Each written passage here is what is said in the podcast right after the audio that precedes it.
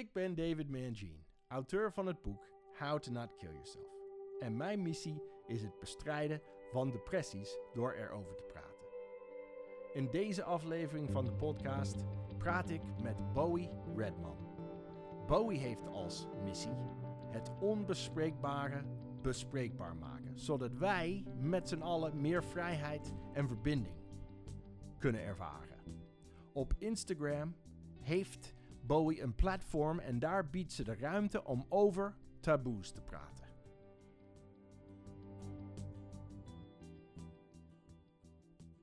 Hallo Bowie, welkom. Hallo David. Leuk dat je er bent. Thanks. Dit is voor jou thuiswedstrijd, hè? Het is thuiswedstrijd. Jij woont om de hoek. Ik woon om de hoek, ja. Maar ik ben geen Amsterdammer hoor. Dus het is niet helemaal een En, thuiswedstrijd. en, en waarom heb je gekozen voor Amsterdam? Oh, it's a long story. Ehm, ja, I like those. ik kom uit Friesland, uit Ja. Makkum. Dat is een plaatsje vlak over de Afsluitdijk. En eh, toen ik 19 was, verhuisde ik naar Rotterdam. Omdat ik daar ging studeren op de kunstacademie, de Willem de Koning. En na zes jaar daar studeren en werken, wilde ik toch weer iets dichter bij Friesland, maar niet in Friesland. En eh, ik heb veel, had veel familie en vrienden in Amsterdam. En mijn toenmalige vriend, die eh, kwam uit Amsterdam. En toen dachten we, en hij werkte daar ook. Toen dachten we, nou, daar gaan we naar Amsterdam. Een mooie combinatie. Maar Ja. je bent een van de weinige Nederlanders die Rotterdam en Amsterdam zou kunnen vergelijken. Je hebt het allebei Klopt. meegemaakt. Ja, ik ben ook nooit zo van de, de hele feud. Van, I, I Het don't is één of de ander, Bowie. well, not for me. Ik, Nee. eet van, ik eet van beide walletjes, zoals nou, zeggen dan ook Nederland. mooi. Metaforisch ook. Heel, Ja. ik, ik vind ook allebei fantastische steden. En totaal anders. Ja, is dat, het is ook niet te vergelijken. Kijk, Rotterdam is gewoon... Rotterdam is echt een eh, rauwe rotstad en het is fucking lelijk, maar ook fantastisch. En Amsterdam is gewoon een stuk gepolijster en pittoresker, maar heeft weer gewoon een soort van ja, e- extreem toerisme wat de stad weer heel anders maakt. Ja. Rotterdam is wel een beetje... ehm, ik vind Rotterdam wel echt rebelser. Ja. Er kan voor mijn gevoel ook veel meer Rotterdam. En dat is natuurlijk gewoon... Ja, die hele, het hele stadshart heeft plat gelegen. Dus het is, het is daar wel zoeken naar geschiedenis. En daardoor is er wel ook veel mogelijk, omdat everything's already gone. Weet je wel? ja, we kunnen opnieuw beginnen. Precies. Heb jij het net een rauwe rotstad genoemd? Ja, rauwe nou, dat is voor mijn Feyenoord vrienden. Van Bowie. maar ik denk dat je Feyenoord vrienden het wel mee... eh, er is ook een heel mooi gedicht over Rotterdam... dat ook, ook benadrukt dat het zo'n Een rauwe rotstad een is. rauwe rotstad is. Ja. Ik snap precies wat je bedoelt. Ik heb het wel mogen leren kennen in de laatste vijf jaar. Ik heb er wel een liefde voor ontwikkeld. Mm. Maar tough love. Het is niet heel makkelijk om verliefd te worden. Nee, het heeft mij echt eh, drie jaar gekost voordat ik dacht, eh, nou Rotterdam, eh, nu, Ja. ik, ik, ik heb je lief en ik haat je ook nog steeds een beetje. Maar, ja, nou, interessant. ja. Ik, ik, ik- nog steeds ben ik, ik ben altijd verdwaald als ik daar ben. Ik kan niet vinden waar ik ben. En Nee. dat is hier veel makkelijker. Al woon ik niet in Amsterdam, ik weet waar ik aan toe Ja. ben. ja, alles is hier natuurlijk ook gewoon gecenterd om eh, de kanalen. En eh, Ja. Rotterdam is echt, heeft ook allerlei kleine plukjes. Universums. eh, ja, en alles heeft weer een andere, mm, ik moet zeggen, een andere sfeer. En, Ja. but, but it's, I mean, it's the only city with a skyline. Dus het is ook... That's a serious skyline too. If you come across that bridge, Exactly. dat is wel, daar zeg je u tegen. zeker. De on, je, je hebt het op je website onbespreekbare bespreekbaar maken. Ja. Wat een mooie missie. Waarom? Dat is een good question. Ehm, waarom ik dat wil? Nou, omdat ik denk dat er heel veel dingen onbespreekbaar zijn. En dat dat Ja. heel erg drukkend is voor onze samenleving, voor je eigen gezondheid, je eigen geluk. Dus ik merk dat er heel veel schaamte, eenzaamheid, onbegrip zit in het niet kunnen praten waar je eh, wel over wil praten. En gewoon al die dingen die ons eigenlijk menselijk maken, maar die Ja. dus niet hardop mogen worden uitgesproken. Eh, en door dat wel te doen, zorgt het gewoon voor veel meer verbinding, voor minder schaamte, voor meer geluk, voor meer begrip. Ehm, eh, je verbreedt je horizon, dus er zijn Ja. allerlei pluspunten eigenlijk aan eh, zorgen Het dat je over taboes kan praten. Ja, Ja, precies. zeker. Het woord wat, wat mij opviel op je website is inderdaad vrijheid.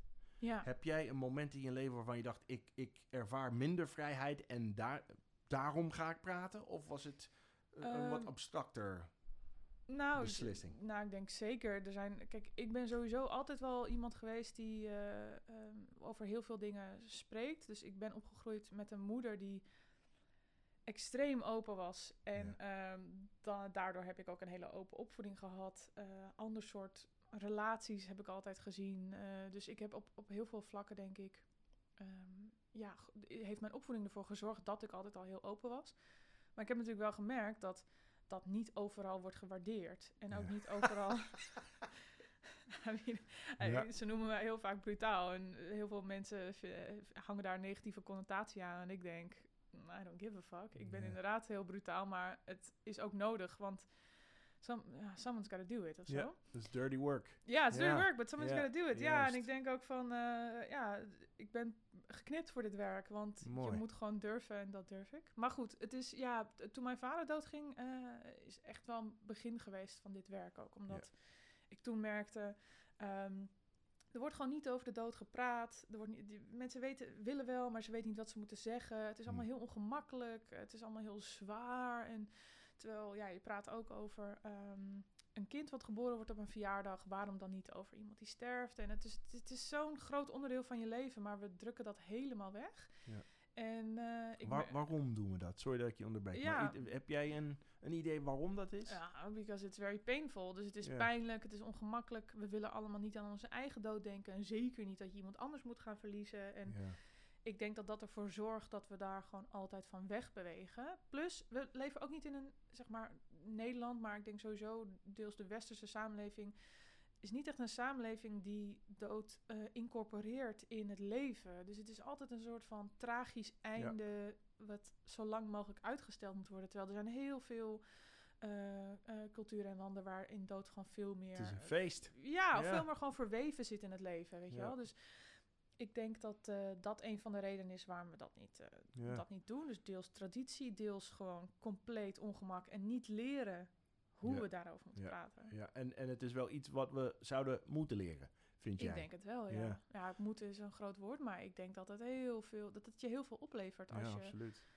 weet. Kijk, iedereen gaat ermee te maken krijgen. En eh, als jij nu luistert en je bent nog nooit iemand verloren, dan I'm sorry to break it to Ja, you. it's Maar coming. It's coming, Ja. En eh, het is gewoon eh, echt beter om er een soort van op voorbereid te zijn, zover als het kan. Want helemaal kan nooit, maar Ik ben absoluut het, met jou eens, ook als we het hebben over zelfdoding. Want over zeker, echt niet gesproken ja, worden, eh, en niet durven en niet weten en niet hoe, dat is echt dat dood times two.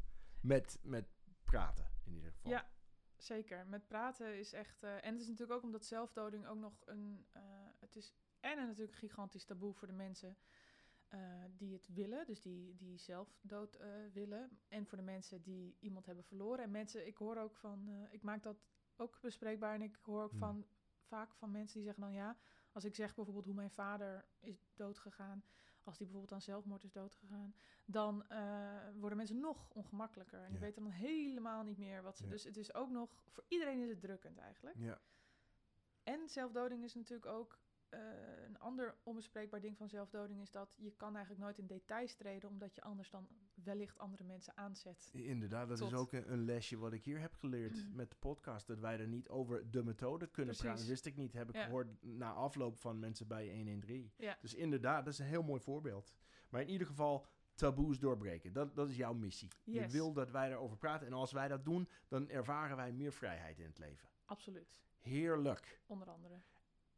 Jij hebt deze maand heb jij gekozen voor mentale gezondheid. Dat is jouw thema. Want elke maand heb jij een thema. Of hoe, Ja. hoe, hoe doe je dat in zijn werk? Ja, elke maand eh, komt er eigenlijk een ander taboe-thema. Dus eh, deze maand is dat mentale gezondheid. Vorige maand was het relaties. Daarvoor het lichaam, seks, geld. eh, eigenlijk alles. Dus het, het is maar Houdt net... nooit op. Dat houdt is nooit op. eindeloos. Dat is heerlijk. Dat Goed is heel leuk. gekozen. Ja, en dan is er gewoon... eh, ehm, ik maak dat voornamelijk veel bespreekbaar op eh, social media. En, Ja. eh, dus dan vraag ik bijvoorbeeld op mijn Instagram... waar heb je ook behoefte aan eh, volgende Hmm. maand? En ik vraag altijd topics. Dus mensen, weet je, mental health is zo'n breed begrip. En dan komen Ja. er gewoon heel veel topics binnen. En daar ga ik dan content om maken. En ik vraag ook content takeovers. Dus andere mensen. Want sommige dingen kan ik bijvoorbeeld niet zelf uit eigen ervaring bespreken. Dus dan vraag ik van, hey, wie heeft er hier iets over te delen? En dan komen er dus een content takeover. Wat En heel wat fijn is jouw rol dan als het getaked over wordt? Ja, ik, Past tense? ja, ik, ik, Ja, wat- cureer het dan. Ja, Dus eh, een soort van... ik zorg gewoon, dus over het algemeen gaat het zo. Ik maak elke maand het bespreekbaar. Ik kan zelf eh, heel veel content daarover maken. Maar over de onderwerpen waarvan ik denk het zou tof zijn als daar iemand anders over komt spreken, dan stel ik die vraag. Er komen altijd mensen die zich aanbieden. Ja. En eh, ik vraag meestal dan aan de mensen die mij volgen... wat voor vragen heb je over dit eh, specifieke topic? En dan kan ik dat doorspelen aan degene die een takeover doet. En dan Ja. wordt dat vaak beantwoord. En ja, het is heel interessant omdat er gewoon super veel mensen aan bod komen... en heel veel verschillende stemmen, input, ervaringen. ja. Dus ja, Ja, nou, een, een van de Works onderdelen. Ja, dat kan ik me heel goed voorstellen. Ja. Wat mij opviel toen ik jouw eh, website bezocht, is, is de biecht. Biep. Ja. Ik ben katholiek opgevoed, dus you know. confessional. ja, exactly. Excuse me. Three Hail. Marys and then you're done. Call me in the morning. Uh, w- vertel eens even over de biechtbiep. Ja, de Biechtbiep is eigenlijk een online bibliotheek over onbespreekbare onderwerpen. En eh, het is ook de verzamelplek voor al het werk wat ik doe. Dus een onderdeel van de Biechtbiep. Eigenlijk is het grappig, want de Biechtbiep w- wordt nu steeds groter en, en, en vormt zich eigenlijk richting een platform. Maar het begon eigenlijk heel klein met dat ik dacht, eh, ik denk iets meer dan een jaar geleden dacht ik, ja, ik kan heel goed over onbespreekbare onderwerpen praten, maar er zijn een heleboel mensen die dat niet kunnen. Ja. En die toch wel graag hun verhaal delen. Hoe kan ik nou zorgen dat zij dat doen? En toen heb ik eh, de biechtbrief bedacht. En dat brief, de biechtbrief is eigenlijk een anonieme manier eh, voor jou om te delen over een onbespreekbaar onderwerp. Dus het is gewoon een anoniem contactformulier op mijn website die je in kan vullen waarin je jouw verhaal kwijt kan. En eh, nu is dat dus elke maand aan de hand van een bepaald thema. Dus nu Hmm. krijg ik brieven binnen over mentale gezondheid. Ja. Vorige, week was dat, vorige maand was dat over relaties enzovoort.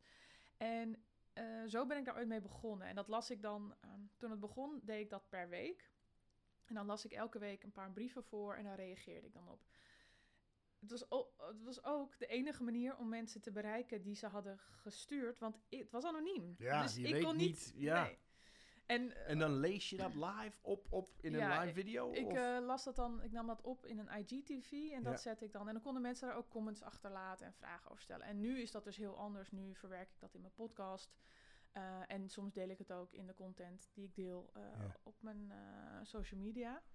Maar de allereerste brief die ik kreeg, to ma- make the circle round, de allereerste brief die ik kreeg, eh, ik weet nog, ik had dat concept ingezet en ik zei, nou, je mag nu gewoon over waar je maar over wil. Ik dacht, ik Ja. hang er geen thema Totaal in. Het is, open. het is totaal Ja. open. En de very first eh, letter that I got was about suicide.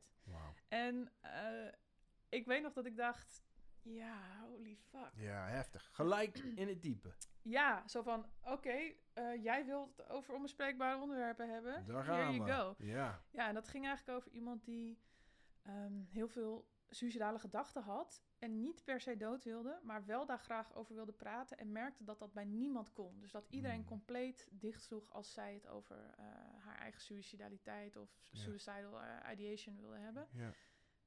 En ik dacht, ja, ja, hoe moet... Dus ik heb ook 113 gebeld en gezegd, Ja, van, dat- hoe moet ik hiermee omgaan? Wat Oh, moet ik wel goed. zeggen? Wat kan ik niet zeggen? en, en ik wist ook, de enige manier waarop ik deze persoon kan bereiken is, ik moet dit wel delen. Dus het was eigenlijk de perfecte test om mijn concept Maar eigenlijk het, te het testen. plan was niet per se dat je het zou gaan voorlezen of delen echt, echt op, een, op een live manier. Dat was niet per se het concept. Nou, het was wel, dat was wel het idee, maar ik dacht toen nog van, heb ik niet ook een verantwoordelijkheid te nemen over wat ik deel? Ja. En kan dit wel? Kan Ja. ik dit wel delen? En toen dacht ik, ja, ten eerste ja, want ik moet diegene wel. bereiken. En ten tweede, Ja. juist wel, want dat is basically wat ik pretendeer. Nou, dat- kan niet dit- hier wegsturen. gaat het over, ja. En, en wat, hoe was de reactie bij 113? was jouw ervaring toen? Oh ja, zij zijn gewoon heel relaxed. Een mooie Dus- organisatie. ja, Ja. Dus eh, je, ik, ik, ik dacht ook van shit, misschien kan ik hier wel helemaal niet voor bellen, weet je wel. Want ja, ik ben niet degene die uh, suicidaal is. Dus. Maar zij waren heel erg van, uh, nee, supergoed dat je belt. Nou, en, ik heb het voorgelezen en zij hadden gezegd van, nou, dit zijn dingen die je beter wel kan doen, die je beter Ja. niet kan doen. Um, nou ja, en zo heb en ik heb dus informatie verzameld. En nu ook altijd als ik iets over suïcide deel, deel ik ook uh, dat als jij eraan denkt dat je dan 1 en 3 kan bellen. En, het, ja. uh, en ook anoniem kan chatten daar. En Ja, ja dat Dus ja. chatfunctie is ook, ook een ja, dat is ook een Mooi, hele fijne. gelegenheid. Dus het is, uh, dat was een interessante vuurdoop. Wat een, wat een begin. Ja. Zo, dus jij, dan, dan lees je het en de, degene die de brief stuurt, krijg je dan gelijk een, een gesprek? Nee, degene die de brief stuurt, ik uh, Dan weet, je het niet meer. Dus. En zij, en zij kunnen natuurlijk reageren, maar... Maar je weet het ook niet. Nee. Werd er gereageerd? Ja, zeker. Volop. Zo. Ja, er wordt eigenlijk Jezus. altijd gereageerd. Dus het is heel. eh, Ja. het is, ik heb ondertussen al allerlei. Eigenlijk is dit natuurlijk gewoon een, een contentconcept. En ik heb Mm. dat op eh, verschillende manieren ondertussen al toegepast. Ehm, je kan ook af en toe mini-biechten doen. En dat is eigenlijk dat ik op Instagram Stories een vraag stel van bijvoorbeeld. Ehm, dat je een mini-biecht kan doen over iets wat je niet hardop nog durft uit te spreken. Ja. En dan kan je een klein een vraagsticker plaatsen. En dan kunnen mensen dus nou, een antwoord geven. Ja. En ik deel dat altijd anoniem. Ah, is er, is er een taboe? Nou, dit is de Er honderden. dus- We hebben het Ja. over echt heel erg. Ja. Die, die, is- Kan ja, dat? Er Nou, zit veel oké. tijd Nee, Alles is, omdat het anoniem is, kan het. Alles kan. Word je vaak ver- verrast? Dat je denkt, oeh, dat zag ik niet aankomen. Ondertussen heb, heb ik al heel wat gezien, maar Ja. eh, nee, ik word zeker wel verrast. Ik eh, denk dat, dat, kijk, soms, je weet gewoon niet wat er in mensen speelt. Nee.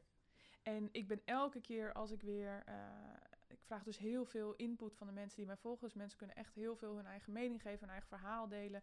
En elke keer denk ik weer: holy fuck. wat, wat mensen meemaken. Crazy. Crazy. Nou, more just, just like. Fuck, het is gewoon zo. eh, wat zijn we ook gewoon divers als Ja. mensen en zo multigelaagd. En Ja. dus ik vind het gewoon. Het is fascinerend. Ja. Het is fascinerend en ook gewoon. eh, elke keer zit er. Er zit altijd wel iets bij wat me verrast. Ja, en ik en- leer zelf dus ook heel veel. Ja, daar komen, ja, absoluut. Het is ook fijn dat het eindeloos is. De- jouw werk is nooit af. Mijn werk is nooit af. Nee, en het- I mean in een ideal world, yes. Zou ik op een gegeven moment obsoleet worden natuurlijk. Maar mijn werk is in die zin nooit af. dat kan niet, toch? Mm, ik denk het niet. Ik denk dat er Ja. altijd wel een mate van taboe... Kijk, eh, taboe is ook... Het heeft in zekere zin ook een functie. Of die functie goed is, is te twisten, Ja. valt te twisten. Maar Interessante vraag. eh, bijvoorbeeld schaamte is ook zo'n ding dat ik denk... Ja, ik ben redelijk schaamteloos en dat geeft mij veel vrijheid. Maar sommige schaamte is natuurlijk ook een soort van graadmeter van...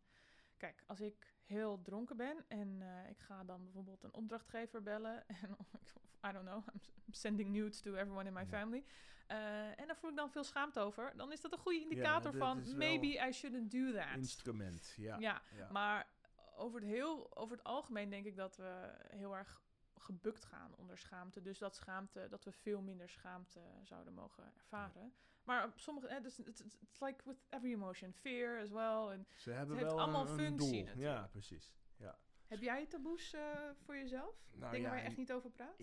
Wat ik wel heb gemerkt, ik heb, ik, als bipolair iemand heb ik heel veel issues gehad met geld. Ja, En dat is ook een ding. Zeker. Ja, ik merk, ik schaam me dat ik zoveel problemen heb en Mm. zoveel schuld heb mm, opgebouwd. Ik, Ja. ik heb het verwerkt in mijn comedy. Heb ik wel een leuke bit over geld uitgeven aan een auto, wat niet mocht, moest, niet handig was. En, en, en dat helpt mij. Dat is een soort van mijn verwerken van taboes. Maar geld is, is een ding wat ik heel moeilijk vind. Ik vind het ook moeilijk om, om te praten over dat ik bipolair ben en de impact die dat gaat hebben, zou hebben, zou kunnen hebben op mijn kinderen. ja. Dat vind ik een heftige. Het is een mooie, want ehm, I mean, ik, ik weet dat dit waarschijnlijk totaal niet representatief is, maar ik heb net het la- ene laatste seizoen van Homeland eh, afgekeken. Ken je Homeland? Ik ken Homeland goed, hè? Ja. Carrie. Carrie, Carrie, Carrie Ja. Matheson. En eh, Carrie is inderdaad bipolair. En eh, wat ik een heel schrijnende verhaallijn vond, is dat in, in, ik denk in seizoen 2 of 3 wordt zij zwanger.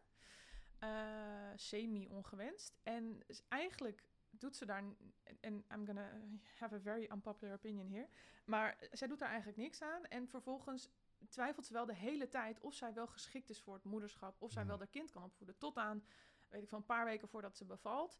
En dat ze echt tegen haar vader en haar zus zegt van, ik kan dit niet. Dit is niet oké. Ik kan, en ik denk, ik dacht, inderdaad, Ja. this is not oké. Je hebt het helemaal goed. Gevaarlijk. Ja. Ga zorgen Ja. dat jij, wat ook met haar werk, I, I totally get it. Ja. En vervolgens zie je vijf seizoenen lang hoe zij n- heel, heel erg struggelt om voor dat kind te zorgen. En ook, het is ook pijnlijk om te zien, want ze wil heel graag en doet het met alle liefde, maar is ook incompetent in sommige dingen. Mm. En vervolgens krijgt ze de hele tijd smack van haar zus. Ja, je kan niet voor je kind zorgen. Terwijl ik denk, ja, hallo, dat ik heb het gezegd. eh, ja, she said it. En, eh, en ik, vind dat, ik vond dat, ondanks dat het natuurlijk fictie is en allemaal Ja. een beetje overdreven misschien, maar ik vond dat een heel interessante verhaallijn. Omdat ik dacht, ja, in hoeverre, eh, eh, ik bedoel, ik weet dat jouw kinderen hebt, dus ik ben heel benieuwd naar jouw ervaring, maar Ja. in hoeverre moet je iemand een soort van... Het is zo normaal om kinderen te krijgen. En het wordt zo van ons verwacht dat het bijna wordt... Dat ze dus in die serie eigenlijk haar bijna praktisch een soort van erin praten. Terwijl ze eigenlijk volgens mij gewoon hadden moeten luisteren en denken... Oké, je geeft een duidelijk signaal af. Maybe this is not for you. Misschien moet ik dit niet doen.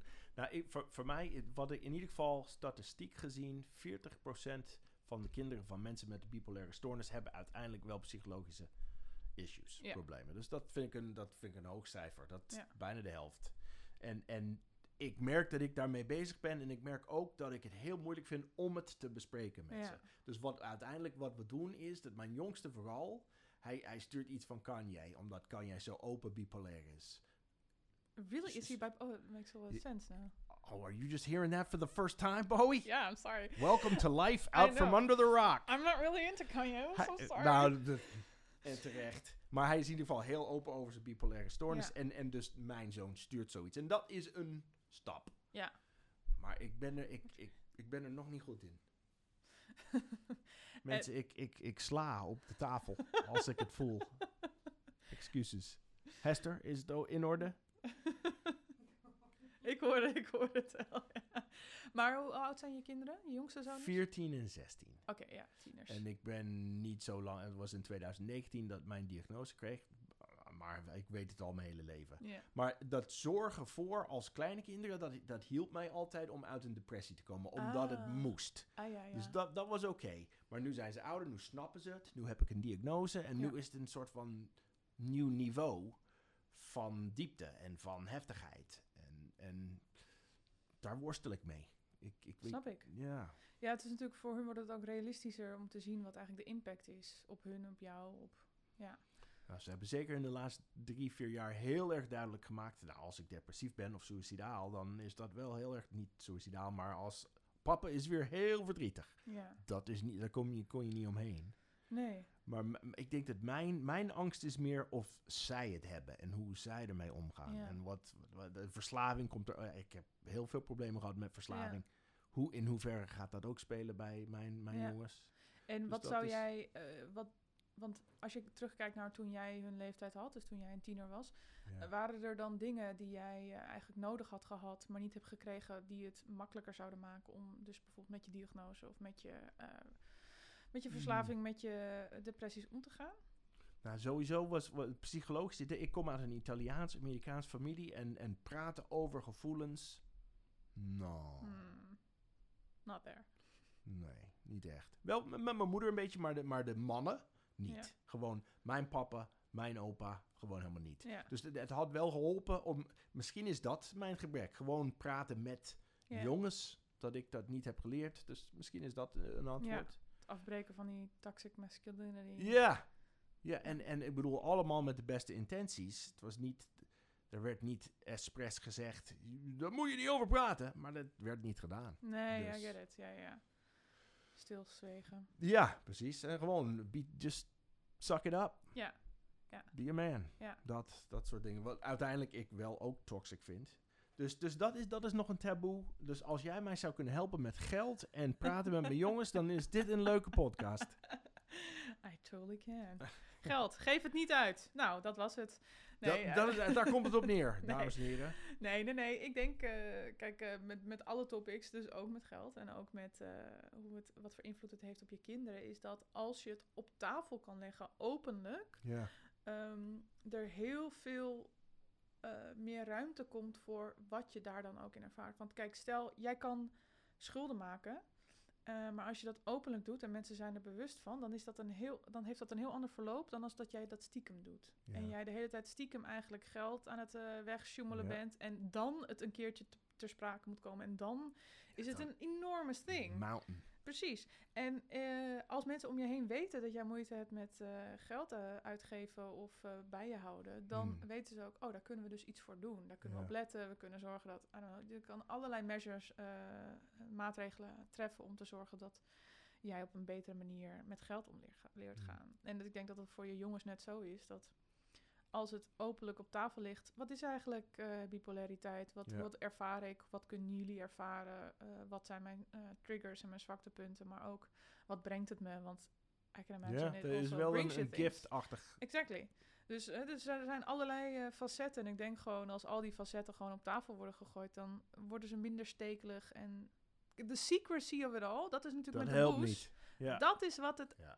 eigenlijk al die onderwerpen zo Hm. ontzettend eh, beladen maakt. Want de dood is niet per se beladen. Het is beladen omdat wij het zo maken. Ja, exactly. Ja. Ja. Dus, dat, dus dat, dat is eigenlijk altijd de boodschap met jouw thema's. Praat Altijd. erover. Zeker weten. Ja. Ja. En, Nou, daar eh, geloof ik ook heel erg in. Ik denk Maar ook ik doe het zelf niet op dit gebied. Nee. Ik begin één vraag. Do you guys know what bipolar is? Ja, pap. Finito. Finito, ja. En dan, dan, ga ik, dan ga ik niet verder. Dan ga ik niet door. Ik doe het gewoon niet. Ik denk, nou, ze, ze hebben er duidelijk geen behoefte aan, dus ik doe het niet. Maar Ja, ja. is dat te snel? Ja, ik zou zeggen van wel, maar ik, kan, ik bedoel, ik keur het niet af, want ik snap dat dat heel ingewikkeld is. Maar Ja. ehm, ik denk ook dat het, het, het is echt ook een groot verschil als dat je zegt, nou, ga even zitten, we gaan even zitten. Ja, Eh, Oké, nu komt het, weet je wel. Ja. I'm gonna tell you something about being bipolar. Of dat je zegt, nou, weet je wat ik vandaag heb eh, Ja. ervaren? Eh, hè, als je zegt, oh, hoe was jouw dag, hoe was jouw dag? Ja. En je zegt, nou, ik merk dat, eh, dat ik, eh, oh, ik ben medicijnen vergeten. En ik merk gelijk eh, aan eh, dat ik bijvoorbeeld, I don't know what kind of sensations you eh, Ja. experience. Maar, Ja. eh, dus het is, het is ook de manier waarop, hè. Mm. Moet het allemaal super groot en nu gaan we het eens Ja. even hebben over de, de really pink elephant in the room? Of is het gewoon tussen neus en lippen door, ja, dit is gewoon onderdeel van wie we... Nou, we dat een- zijn Dat en, is een eh, mooie schets, Bowie. En ik, ik, ik kan me absoluut vinden in de eerste. Lekker dramatisch, lekker, Ja. lekker aangedikt, lekker hier komt het Mhm, moment. mhm. En, en inderdaad, leidt tot niet veel resultaat. Nee. Dus ik, ik ga het zo aanpakken. Ja. Tussen neus en lippen door Tussen is het en lippen Ne- door. Nederlands. Between the nose and the lips. Between the nose and the lips, yes. En eh, je, kan, o- je kan ook gewoon natuurlijk vragen, eh, je kan ook de bal terugkaatsen. Gewoon vragen stellen. Ja, vragen stellen. Ja. En ervaringen delen is sowieso denk ik altijd een heel low-key manier om over een onderwerp te praten zonder dat je een soort van... Kijk wat ik heb meegemaakt. En Ja. dan, dat zou kunnen leiden tot. Ja, Ja. of bijvoorbeeld eh, een van mijn ooms die... eh, eh, zeg maar, mijn, ik heb twee tantes en een oom van mijn moeders kant. En zij hebben allemaal eh psychoses gehad. Mijn moeder is de enige die, daar, geen, daar, die daar nooit last van heeft gehad. Maar bijvoorbeeld mijn twee neven van mijn oom, die vertellen soms wel eens een verhaal erover dat, eh, dat mijn oom dan, eh, dat ze thuis kwamen en dat er in één keer 18 pingpongtafels in de voortuin stonden. En dat ze dan wisten van, ah, het is weer zover. Weet Cray je wel. cray. It's, eh, ja, it's happening. En dat is, als zij dat vertellen, is dat gewoon een grappig verhaal. Terwijl het is natuurlijk wel iets Ja. heel serieus. En je weet gewoon, hij is weer psychotisch of hij, hij is aan het afzakken in een psychose. Maar dat is helemaal niet heel beladen als zij dat vertellen. Het is niet zo van, oh nee, psychose. Ja. En wat verschrikkelijk en eng. Eigenlijk, het is heel, een heel grappig voorbeeld van iets wat heel serieus is. Ja, ik Dus, zag krokodillen uit die auto komen. Ja, Ja, dat, eh, exactly. hallucinaties. Wat, wat ik hier fascinerend aan vind, is dat daarom heb ik voor comedy gekozen, omdat ik lu- luchtig Ja. over de. Maar in mijn eigen familie, met mijn eigen kinderen. Ja. But all comedians will say that. I can be intimate with them. Ja. Room full of strangers. Maar niet met. Dat is wel heel comedianachtig. In Ah. mijn ervaring. Ja, maar ik ervaar dat zelf ook wel hoor. Dat het is echt, het is iets anders. eh, kijk, ik doe, ik, ik, ik ben heel open ook wel in, in real life. Maar soms is het makkelijker om het online te doen, omdat je weet dat er anonieme mensen aan de Ja. andere kant van het scherm zitten. En ehm, in real life ben je altijd, je krijgt gelijk eh, feedback. Ja. Dus je ziet iemand verkrampen, je ziet iemand eh, lachen, je ziet iemand, dus je krijgt altijd gelijk te maken met de reactie die het oplevert, eh, de reactie die het oplevert wat jij teweeg brengt, wat jij vertelt. Ja, dat ga je voelen. Ja, Ja. dus ik denk dat het altijd lastiger is. Maar en Ja. ook, ehm, ik, wat ik dus wel, eh, dat is misschien, ik weet niet of dat een hele populaire manier is, maar ik vind het dus heel fijn om op een andere manier met deze onderwerpen bezig te zijn. Dus zeker voor jou jongens. Kijk, als er toevallig een hele toffe podcastserie is en zij luisteren wel eens podcasts, of Mm. er is muziek die erover gaat, of een, een serie die het bijvoorbeeld, like Homeland, misschien Ja. is dat een beetje heftig voor ze, maar ehm, dat je er in aanraking mee kan komen zonder dat het gelijk een soort van Het gaat niet eens over bipolair. Het gaat- Precies. ja, dat is een goeie. Dat vind ik heel Ja. fijn. Dus ik, ik ben ook, als ik eh, in de nabije toekomst nog educatieprogramma's mag gaan ontwikkelen over taboes, dan is dat ook een manier waarop ik eh, zou willen dat we omgaan met ehm, hoe brengen we eigenlijk lesstof tot Ja. kinderen. Op een andere manier. Op een andere die- die manier. niet zo obvious is. Hoe chill is het als jij een podcast mag luisteren als huiswerk in plaats van dat Ja, je ja. een eh, zes, zes hoofdstukken moet lezen? En zeker een podcast waarin je vader Precies. praat. hey eh, Bowie, even over Ja. mentale gezondheid. Waarom heb jij voor, voor deze maand voor mentale gezondheid gekozen? Heeft het met Blauwe Maandag te maken, Blue Monday? Of I actually, is dat toevallig? Uh, uh, it was really stupid. I forgot it was Blue Monday. Um, bad marketing? I know, bad marketing. But the thing is, ik vind Blue Monday ook eigenlijk dat ik denk, ja, natuurlijk is het een blauwe maandag als iedereen zegt, oh my god, het is zo depressief. Ja, dan gaat het self-fulfilling prophecy. Ja. Maar ik heb wel heel bewust voor januari gekozen, omdat ik weet dat december is altijd zo'n madness. En het Ja. can be really, really fun, maar het kan ook altijd heel erg confronterend zijn. En hoe dan ook is januari een soort van gat. Of Ja. het is het gat naar alle plezier, of het is het gat naar heb ik weer bij die eh, racistische oom aan tafel gezeten en bij mijn manipulatieve moeder en eh, weet je wel, ben ik weer over mijn eigen grens heen gaan. Dus I figured januari, het is Perfect. perfect. Ideaal. Heb jij ook een racistische oom? Ik heb ook een Heeft iedereen. Everyone, everyone. ja. Nee, dus Sidetrack. Ja. Uh, Oké, januari, gat. Ik heb voor het eerst in deze... Ik heb een, een gelukkige, vrolijke, gezellige kerst gehad. ja, ik heb Er wordt hier gebokst. Eh, Echt. Ja, ik heb, ja. Wauw. Dat, dat is Komt lang, dat, lang dat doordat eh, je minder mensen mocht hebben? Het, of? ja, die oom was er niet. Precies.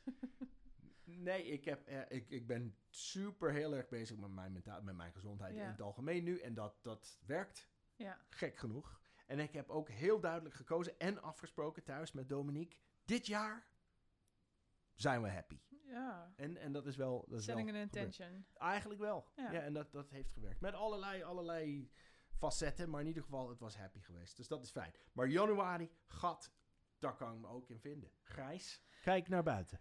Ja, dat- Hollands, dat is suicide is, weather. eh, it is really suicide weather, ja. Dus het is mentale gezondheid. Eh, wat heb jij met depressie? Heb je het wel eens meegemaakt? Ja, ik heb, nou, na de dood van mijn vader was ik zeker wel depressief. hij- en, eh, Was hij depressief? nee, nee, nee, mijn, nee, mijn vader is gestruikeld over een deurpost en toen gevallen en was op slag dood. Dat hoor je niet vaak. Dat hoor je niet vaak en het, het is echt een domper als ik dat vertel. Ja. Wauw. Eh, want het is heel scary, want dan denk je... Ik dacht dus ook, je kan dus gewoon ten alle Zo tijde is- doodgaan. Klaar. Je kan gewoon struikelen en dan gewoon dood tripped, he neervallen. just tripped. He just tripped, he just tripped, ja. And hit his head. Hit his head on the pavement and then that was it.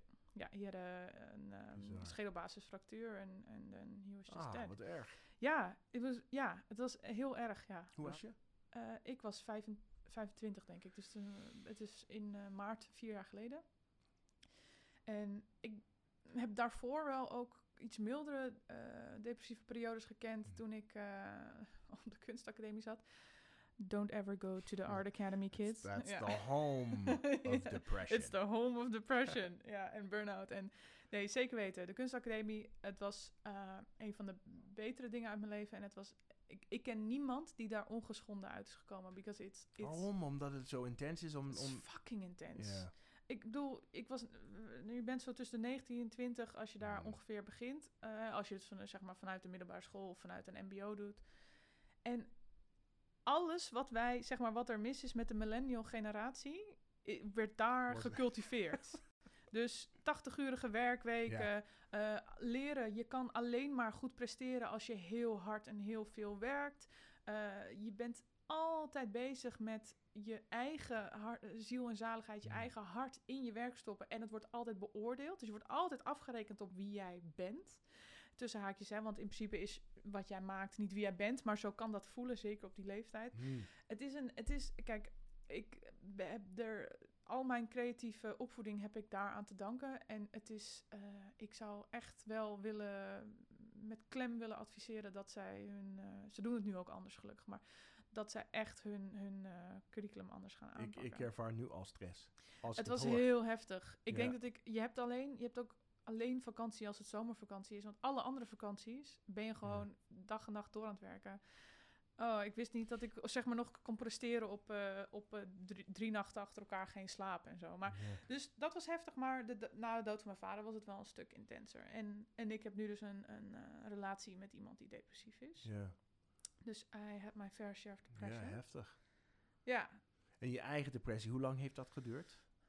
Mm, Ik denk een goed jaar. Oeh, pittig. Maar- Wauw. Het was wel, het was niet, zeg maar, als ik kijk naar mijn vriend, dan is die wel eh, way worse. Dus zeg Ja, maar, die is hoe, echt hoe dan? Hoe, waar Nou, ik aan? was wel depressief, maar ik had ook rouw. Dus het was ook. En ik. eh Ja. Rouwen zorgde er ook deels voor dat ik wel. ehm, ik had gewoon geen vertrouwen meer in het leven. En dat zorgde heel erg voor die depressiviteit. En ik had. he- heb nooit aan zelfmoord gedacht, maar wel heel vaak dat ik dacht: geef me gewoon een pil dat alles voorbij is. point? Weet je wel, zo van, ik wil gewoon dat dit stopt. Ik wil niet dood, maar ik wil niet dit leven. En, ehm, maar het, het zorgde wel dat het heel... Ik dacht, ja, dit is gewoon allemaal die rouw. En, eh, Maar ik, dat, dat hielp niet om een soort van reden te hebben waarom je, je depressief was? Nou, het hielp- aan het rouwen, Ja, ja, dus. ja, nou, het hielp wel in een zin, omdat ik dacht van, het is heel logisch dat ik me zo voel. En eh, ja, rouwen is gewoon zo'n mengeling van allerlei... Eh, ja, het is very complicated. En wat ik wel, wat me wel eh, hielp, was dat rouwen zorgde bij mij ook soms voor dat ik dacht, ik wil heel even een normaal leven. En dan eh, dus eh, juist Ja. plezier wilde, bijvoorbeeld. En dat is natuurlijk heel vaak als je, in, eh, als je depressief bent, zeker als je, if you're in deep, Hmm. dan you don't give a fuck. Dus het maakt niet uit of je plezier hebt of niet. Alles, alles maakt eigenlijk niet uit, Nee. weet je wel. En ik had nog Ja. wel een soort van af en toe de drang van geef me plezier, Ja. geef me En hoe, positiviteit. hoe, hoe uitte zich dat? Hoe was dat? eh, we gaan naar een feestje. Of Soms, iets met kunst. Of, ja, dat, vooral sociale dingen. Maar Ja. i- toen, het begin van de rouw, was ik nog extreem overprikkeld en kon ik eigenlijk dat dus allemaal niet aan. Maar later werd het wel zo van, ja, give me adventure of zo. Ja. En bij mijn vriend zie ik wel dat dat heel anders is. Die, eh, dus dat, dat, Ja. is, dat is ook een, tegenstrijdige. Je hebt het zelf meegemaakt, maar nu ben je een soort van supporter voor je vriend die, Ja. die dat nu is. ja. En hoe, hoe, hoe gaat dat een beetje met jou? Wat dat betreft niet. Nee. Nee, dat snap ik. It's- it's- It's not fun, kids. It's heel not moeilijk. fun. nee, ehm, het is genuanceerd. Dus eh, ik denk dat hij kreeg een burn-out en een depressie drie jaar geleden. Toen was het heel heftig. Hmm. Als in, ja, kijk, ik heb eigenlijk gewoon de afgelopen drie jaar geleerd om zo weinig mogelijk ruimte in te nemen. Dus eh, ik, ik kon niks van hem verlangen, ik kon niks van hem Ja. vragen. Maar ik kon ook niet mezelf, eh, mijn uitbundige zelf zijn, want everything was te veel, alles Ja. was... eh, dus dat is... Je moet je voorstellen dat je dus in een relatie zit. Eigenlijk, ik noem het ook wel een soort van de jaren van emotionele schaarste. Hmm. Because there was, there was almost next to nothing. Dus ik, waarin je normaal eh, 100% hebt in je relatie, hadden wij gewoon jarenlang 10% of zo. En ondertussen is het wel een stuk beter en is hij nu bijvoorbeeld ook van de antidepressiva af. En, maar nu zit hij in een heel ander soort, een soort van. Ik heb bijna het gevoel alsof hij nu een bore-out heeft in plaats van een burn-out. Want Hmm. nu is hij dus compleet lethargisch eigenlijk. En ehm, eh, wel ook nog heel erg die depressieve gevoelens van het komt nooit goed. Ik ga nooit iets vinden wat ik leuk kan vinden. Eh, weet je wel, het leven is eigenlijk een één grote mislukking en ik ga nooit beter worden. En dit is gewoon hoe ik me voor altijd ga voelen. Wauw. I know, it- it's not gonna be like that. Maar dat is het hele ding met depressie. Iedereen om je heen weet wel van, ja, komt wel goed. Ja. Maar jij denkt gewoon, Nooit. dit, nooit. Ja. Dit is hoe het voor altijd gaat zijn. Dus ja, dat is niet... eh, kijk, eh, drie jaar is een hele lange tijd. is Ja. echt een hele lange tijd om Ja. eh, eh, samen te zijn. En hij, hij is gestopt met de medicijnen? ja, hij, is eh, afge, hij heeft gewoon afgebouwd. Hij, Dus, hij eh, wilde dat niet. Hij heeft, nee, ja, heel veel mensen vragen waarom is hij niet doorgegaan. Maar hij had Hmm. heel veel last van bijwerkingen. Ja, die kunnen heel, heel En intens eh, zijn. hij heeft heel erg moeten zoeken naar verschillende soorten antidepressiva. En uiteindelijk had hij het goede gevonden. En dan ga je eigenlijk een hele lange weg opbouwen. En dan ben je een hele tijd stabiel in Ja. de inname. En dan heb je een hele lange weg om af te bouwen.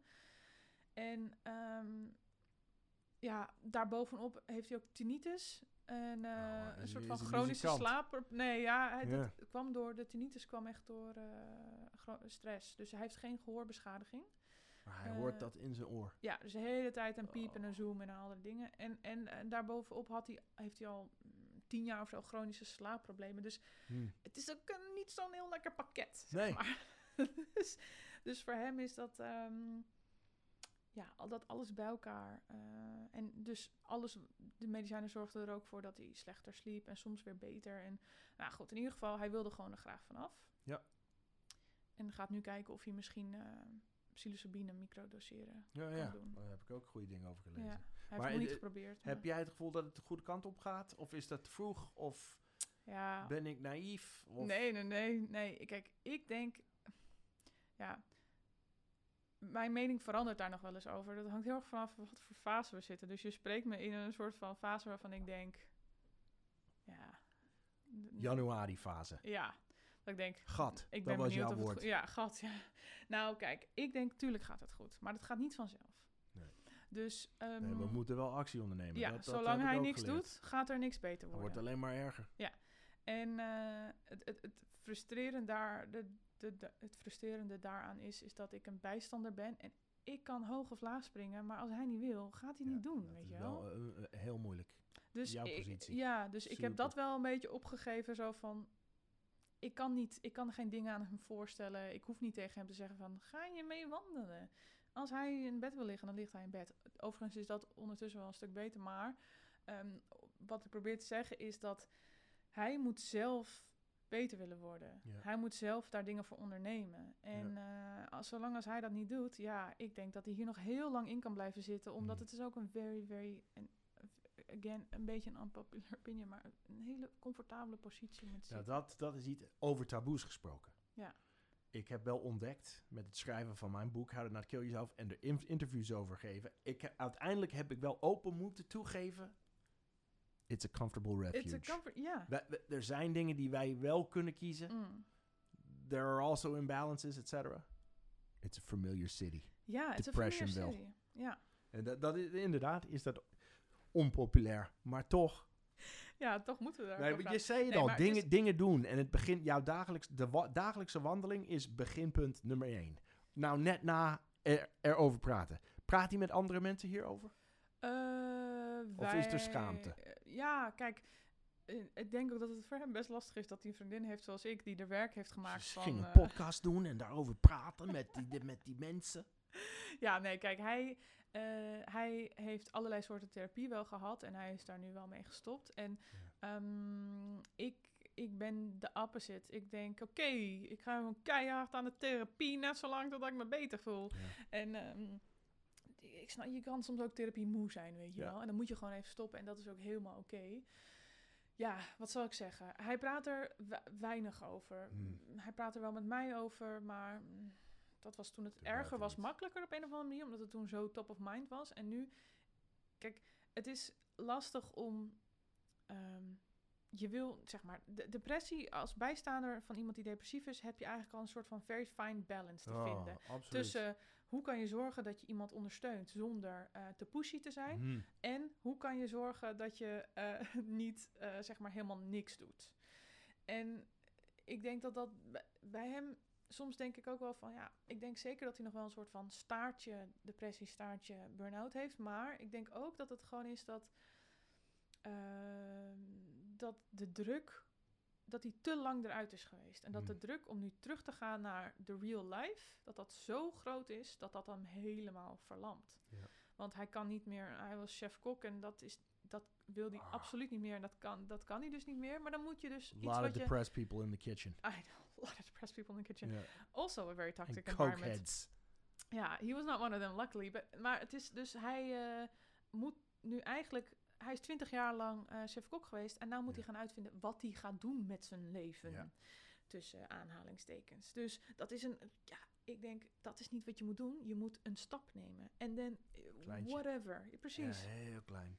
Dus je gaat gewoon iets proberen. Ja. En dan denk je, dit vind ik leuk of dit vind ik niet leuk. Maar goed, dat is voor mij makkelijk praten, want dat is helemaal hoe ik werk. En eh, hij duidelijk niet. Maar ik, ik ben het met jou eens. Dat, dat is het inderdaad. Eén heel klein stapje. Ja. Ik zou hem adviseren om toch wel die wandeling te maken. Ja, en hij, kijk, dit is, ik weet nog wel, ongeveer een jaar geleden zaten we bij de, bij de dokter. En toen had hij een hele erg terugval. En toen zei ik, en nou ben ik het godverdomme zat. En Ja. ik ga mee. En ik ga zorgen dat er iets voor jou gebeurt. Want de, je krijgt gewoon niet de juiste hulp. En dan zit je daar en zegt de dokter, ja, je moet eh, twee uur per dag bewegen.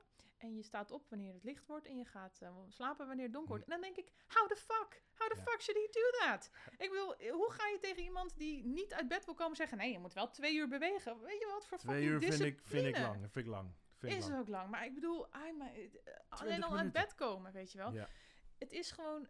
Ik, we hebben, ik heb toen ook serieus over nagedacht, of met de dokter besproken van, kan hij niet opgenomen worden? Niet Hm. omdat hij eh, dus zo, hij zei ja, dat is heel heftig en ik zou het niet aanraden als je niet het noodzakelijk is.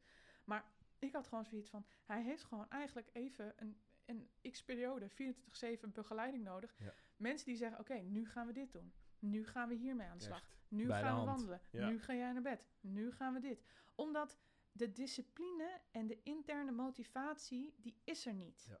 Dus hoe de, hoe de, ik snap dus ook niet goed dat we altijd zeggen, ja, als je depressief bent, moet je gewoon dit doen. Dan denk ik, ja, maar niemand, niemand wil dat. Dus hoe ga je dat doen? Ehm, nou, zover mijn Ja, jij, jij, nou, nou, ik, sta, ik voel het aan alles. Ik, eh, zeker. Ik vind dat gewoon niet, niet de juiste aanpak. En ik denk dat er echt eh, een integrale aanpak nodig is. Ik snap ook niet dat we ho- niet holistisch kijken naar Hm. depressie. Ja. Dat we niet kijken, oké, wat is er voeding, hoe eh, spiritualiteit, lichamelijk, eh, uitdaging, maar ook, weet je, dus dat er alle, alles mee wordt genomen. Ja. Ja, niet alleen maar van, nou, we stoppen er een beetje antidepressiva in je Nou, gaat dat- naar therapie en dan eh, good luck with that. Praten met die psycholoog die je niet mag en een pil. Dat is niet genoeg, inderdaad. Nee. Holistisch is, is the way forward. En, Ja. Maar jij- jij kan het niet voor hem doen. Nee. Ik bedoel, I'm preaching to the choir. Ja. Maar toch is het wel waar. Hij, hij, hij, hij zal het wel zelf moeten. En hij is heel, het is al heel veel beter hoor dan drie jaar Fijn, geleden. maar, dat is eh, fijn om te horen. Alle, is, alle eh, stapjes, ja. dat zijn overwinningen. het En, en jij, ben jij iemand, denk jij nou die depressie bij mij zou kunnen terugkomen? Of Ja, ik ben daar wel heel Is- bang voor geweest. Kijk, ik denk niet dat ik... Jij bent eh, klinisch eh, depressief, toch? Dat betekent dat je eigenlijk... Kan je in één zin tegen mij zeggen wat dat voor jou betekent? Nou, in ieder geval, klinisch is dan dat, het, dat er een diagnose is geweest. En dat Mm. er een bepaalde lengte ook is. Maar Ja. voor mij is klinisch dat een dokter heeft gezegd, "Bah, bipolaire stoornis. Maar ik weet dat het, dat het altijd terug kan komen. Ja. Dat weet ik. Dus da- daar ga ik vanuit. En daar, ben ik, daar, daar, daar zit geen angsten voor mij. Dat, dat Nee. mag. En als het komt, nu komt het een uurtje. Twee. Maar niet... Niet de Drie dagenlang weken. achter elkaar, Ja. ja. Ja, voor mij, ik... eh, toen ik na, na, na mijn vader wat, en ik eh, toen in therapie heb gezeten... Ik heb toen cognitief gedragstherapie gedaan. Hmm. wat heel erg eh, behulpzaam was. Toen was ik heel bang. Ik dacht, kijk, mijn, mijn allergrootste angst, mijn, mijn meest grootste beperkende overtuiging in het leven is dat ik voor altijd ongelukkig zal zijn. Dus eh, ik heb nu al vier jaar best wel veel, zeg maar, ongeluk. I, I haven't gotten, gotten a break yet, weet je wel. Right. Dus voor mij is het ook een I soort karma in the bank. Ja, dus Ja. voor mij is het ook een soort van, ja, zie je wel. Ik ben al eh, jarenlang, eh, krijg ik alleen maar shit op shit op shit. En eh it's not a good mindset to be in. Dus ik probeer daar wel veel aan te werken. Ja. Maar de Wat, angst wat is er je wel. dan? Wat doe je daar aan te werken? Therapy. Ja, oké. Ik, you get a therapist, you get a therapist, everybody. Ja, ik ben echt groot fan van Ik ook. Ik vind het zelfontwikkeling, fijn. therapie. Maakt Ja. niet uit. Het maakt, niet, ook, het maakt voor mij ook niet uit of je nou EMDR, schematherapie, of dat je een ander soort, of dat je met een shamaan het bos ingaat. I don't give a fuck. Als je maar hulp eens. krijgt. Ja. Dus dat helpt. En ik ben er wel bang voor dat het weer terugkomt, maar ik weet ook dat het eindig is. Ja. Dus ik, ik, ben, niet, ik ben niet gediagnosticeerd met, ehm, hoe heet het ook weer als je eigenlijk permanent depressief bent. Goed, ik ben niet permanent. Major depressive disorder. Exactly. Thank you, Google. Leuk is anders. Leuk is Ja, anders. ik was een, een menselijke Google net. Ja. Hoorde je dat, Hester? Ja. Hester glimlacht. Dus eh, ja, ik denk dat, eh, dat, be- dat ben ik niet. Dus ik weet Nee, gewoon, nou. depressies kunnen komen en ze gaan ook Ja. weer. En ik weet ook dat, eh, nee, ik ben dus daar niet zo heel erg bang voor. Ja. Ik ben- Fijn. Ik ben Fijn veel banger voor die, voor die, eh, die, die flatline. dat ik dat, voor dat, niet depressief zijn, maar ook niet echt leven. dat je niks voelt. Voor hibernating. Ja. Ja. Nou, gewoon voor... De- Is dat echt een angst van jou? Je, je komt niet bij mij over als iemand die in die vlak. Nee, dat zou ik is- zeggen, maar ik vind... ehm, kijk, ik ben wel iemand die veel... Ik leef intens wel. Dus ik leef ook intens eh, eh, met blijdschap en met plezier en dat soort dingen. Maar ik, ik heb wel vaker in mijn leven gehad dat ik in die flatline zat. Ja. En dat is eigenlijk een soort van... Ik weet, ken je de schrijver Anaïs Nin? Het is een. Frans, Franse schrij- Nin, Anaïs ja, Nin, ja. ja. Zij is een eh, Franse schrijfster en schrijft waanzinnige dingen. En ze heeft heel veel over lust en liefde geschreven, maar ook over een soort van levenslust. En zij Ja. heeft een stuk waarin ze eigenlijk zegt, ehm, daar omschrijft ze een soort van, ja, je denkt dat je aan het leven bent, je gaat met je gezin naar het park en eh, je doet de motions, maar eigenlijk ben je aan het hibernaten. Eigenlijk ben je gewoon een soort van flatline je leven door aan het gaan. En dan, dat wordt dan soms verstoord door een boek, een persoon, een ervaring. En dan in één keer word je wakker en kom je tot leven. En het grappige is dat voor mij was mijn vriend dat. Dus Mhm. toen wij elkaar eh, vier en een half jaar geleden leerden kennen, was ik, zat ik in zo'n flatline en ik kwam hem tegen en wij waren echt hals over kop, alles overnemend verliefd. En in Hmm. één keer voelde het alsof ik gewoon felt like I was reborn or something. It was such an like exhilarating experience. En ehm, ik ben wel vaak bang dat ik denk, ik, I don't want to go into that flatline waar ik Ja. alleen maar op de bank lig en televisie kijk en eigenlijk niks doe. Ja. Ra- rather a- lot of pain and a lot of joy than Dan something in the middle that's neither of that. Ja. Ja. Snap ik heel goed. Hey, Bowie. David, Stel stel. dat ik een, ik, ik een taboe heb en ik wil het bespreekbaar maken. Ik wil aan de slag met mijn taboe. Hoe, wa- wat, moet ik doen bij jou? Hoe, hoe kom ik in actie? Oh. Instagram? Is, Ja, begint het daar? Eh, voor nu wel. Dus je kan mij volgen op Instagram. En dat is Eh, Bowie Redman. Ja, at Bowie Redman. At Bowie Redman. B-O-W-I-E. Named after the tobacco from Virginia. Redman. No, I- no. It's chewing tobacco. It's churn tobacco.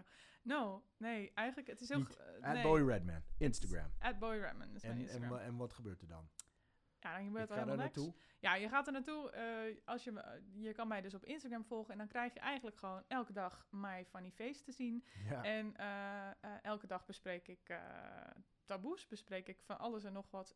Soms doe ik ook nog een beetje funny content. yeah, Ja. To keep the spirits high. Tof. En nee, maar over het algemeen bespreek ik dus elke maand daar een ander taboe. En elke maand komen daar hele diverse topics binnen dat taboe aan bod. Ja. Er komen er dus content takeovers, dus je hoort ook andere mensen. Je kan daar je eigen verhaal kwijt. Eh, Ja. Je kan naar mijn website www.bojeredman.com forward slash biechtbrief. En dan kan je dus bijvoorbeeld je eigen biechtbrief Ja, daar houden we het over, de, de, de biecht. Ja, dat kan je doen. Die worden voorgelezen onder, eh, inmiddels in mijn podcast. Dus je kan ook, als je... eh, mijn podcast heet The Bowie Show. En dan kan je gewoon... op any platform kan je er naar luisteren. Ja. Dan kan je luisteren ook naar die, naar die biechtbrieven.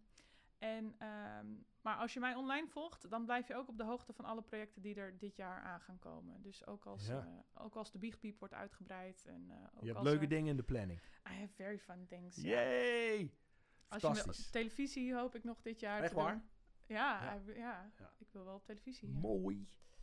Ja, Daar geloven wij in. Taboes doorbreken. zeker. Het onbespreekbare bespreekbaar maken, zodat wij allemaal meer vrijheid en verbinding ervaren. Zeker. Ik vond het een mooi gesprek. Dankjewel, Bowie. Jij ook bedankt. Dag.